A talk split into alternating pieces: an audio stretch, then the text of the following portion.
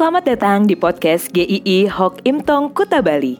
Penginjil Ray Reginaldi akan membagikan renungan harian singkat untuk membawa Anda mengenal dan menyembah Tuhan Yesus, bertumbuh dan menjadi murid Kristus, serta berdampak untuk banyak orang. Jika Anda merasa diberkati melalui renungan ini, silahkan bagikan podcast ini agar orang lain juga diberkati. Inilah renungan hari ini.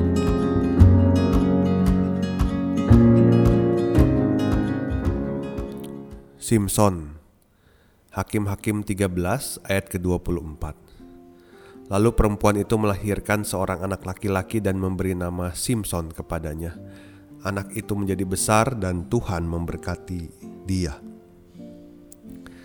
Satu kali ada seorang bos ingin mengetes integritas karyawannya. Lalu di dalam masa pandemi ini dia memasuki kantor dengan sengaja tidak mengikuti prokes kesehatan. Dia tidak memakai masker, dia tidak mau mencuci tangan. Namun di saat karyawan yang lain tidak berani menegur, ada seorang karyawan biasa yang menegurnya. Dan si bos pura-pura memarahinya. Namun karyawan itu tetap mengatakan bahwa dia perlu taat prokes. Akhirnya karyawan itu mendapat ganjaran, yaitu mendapatkan promosi ke posisi yang jauh lebih tinggi. Dia punya banyak fasilitas sekarang. Dia punya kedudukan yang jauh dari apa yang pernah dia bayangkan. Namun sangat disayangkan perilakunya menjadi berubah ketika dia sudah ditempati di posisi yang tinggi. Dia sering seenaknya memperlakukan bawahannya, dia sering tidak taat aturan, banyak laporan yang dibuat dengan tidak benar. Kita dapat menyaksikan ketika seseorang diberi kekuasaan yang besar, barulah teruji siapa dirinya. Kita bisa belajar hal ini juga dari Simpson ketika dia dipercaya oleh Tuhan sesuatu yang istimewa, yaitu jabatan sebagai hakim, juga ada kekuatan yang Tuhan titipkan, maka kita bisa melihat bagaimana Simpson menjalani hidupnya ini. Dan sangat menyedihkan karena dia tidak bertanggung jawab dengan apa yang Tuhan berikan. Setidaknya ada tiga hal yang perlu kita hindari yang pertama adalah Simpson menyia-nyiakan anugerah Tuhan. Simpson ini tergolong unik dibandingkan hakim-hakim yang lain. Kalau hakim-hakim lain dipanggil ketika mereka dewasa, Simpson sebelum ibunya mengandung pun dia sudah ditetapkan Tuhan untuk menjadi hakim. Dia punya kekuatan spesial juga yang tidak dimiliki hakim-hakim yang lain.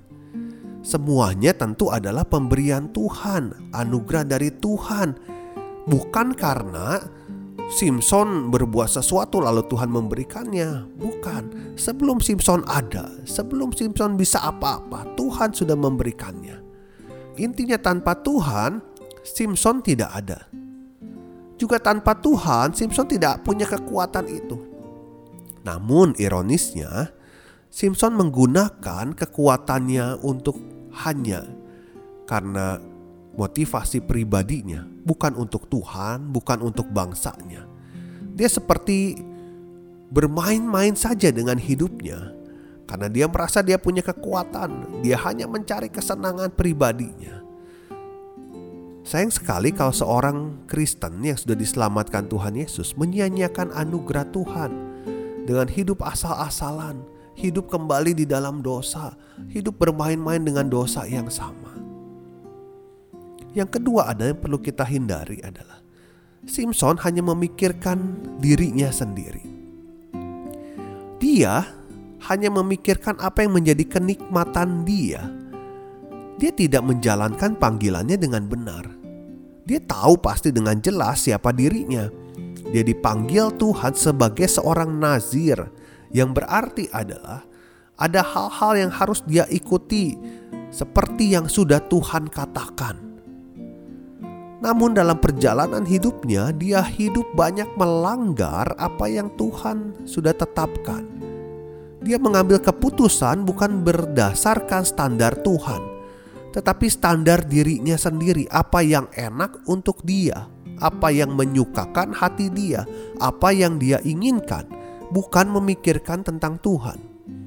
Intinya, dia sangat egois hidup untuk diri sendiri. Kita harus ingat, seperti yang firman Tuhan katakan, ketika kita sudah di dalam Kristus, baik hidup, baik mati, kita adalah milik Tuhan, dan kita harus hidup untuk Tuhan. Jadi semua yang kita lakukan di dalam keseharian kita harus berpikir kita melakukannya untuk Tuhan. Kita harus belajar untuk menyingkirkan atau menyingkronkan agenda pribadi kita untuk Tuhan.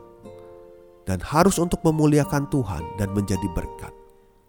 Yang ketiga yang harus kita hindari adalah Simpson hilang kepekaan untuk ikut kehendak Tuhan.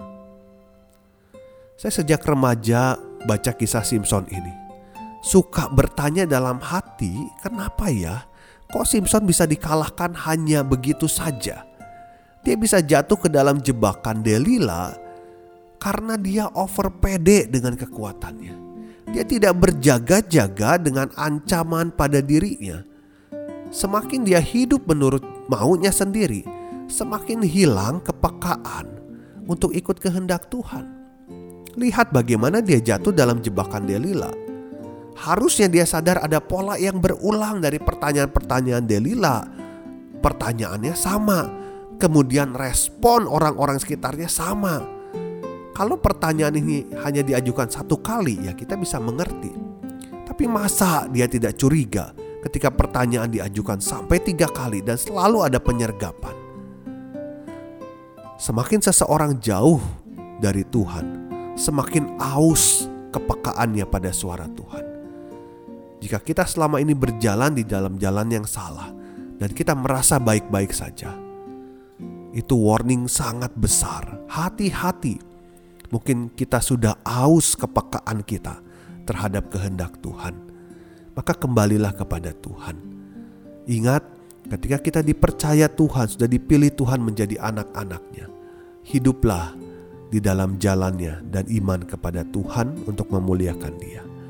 Tuhan memberkati.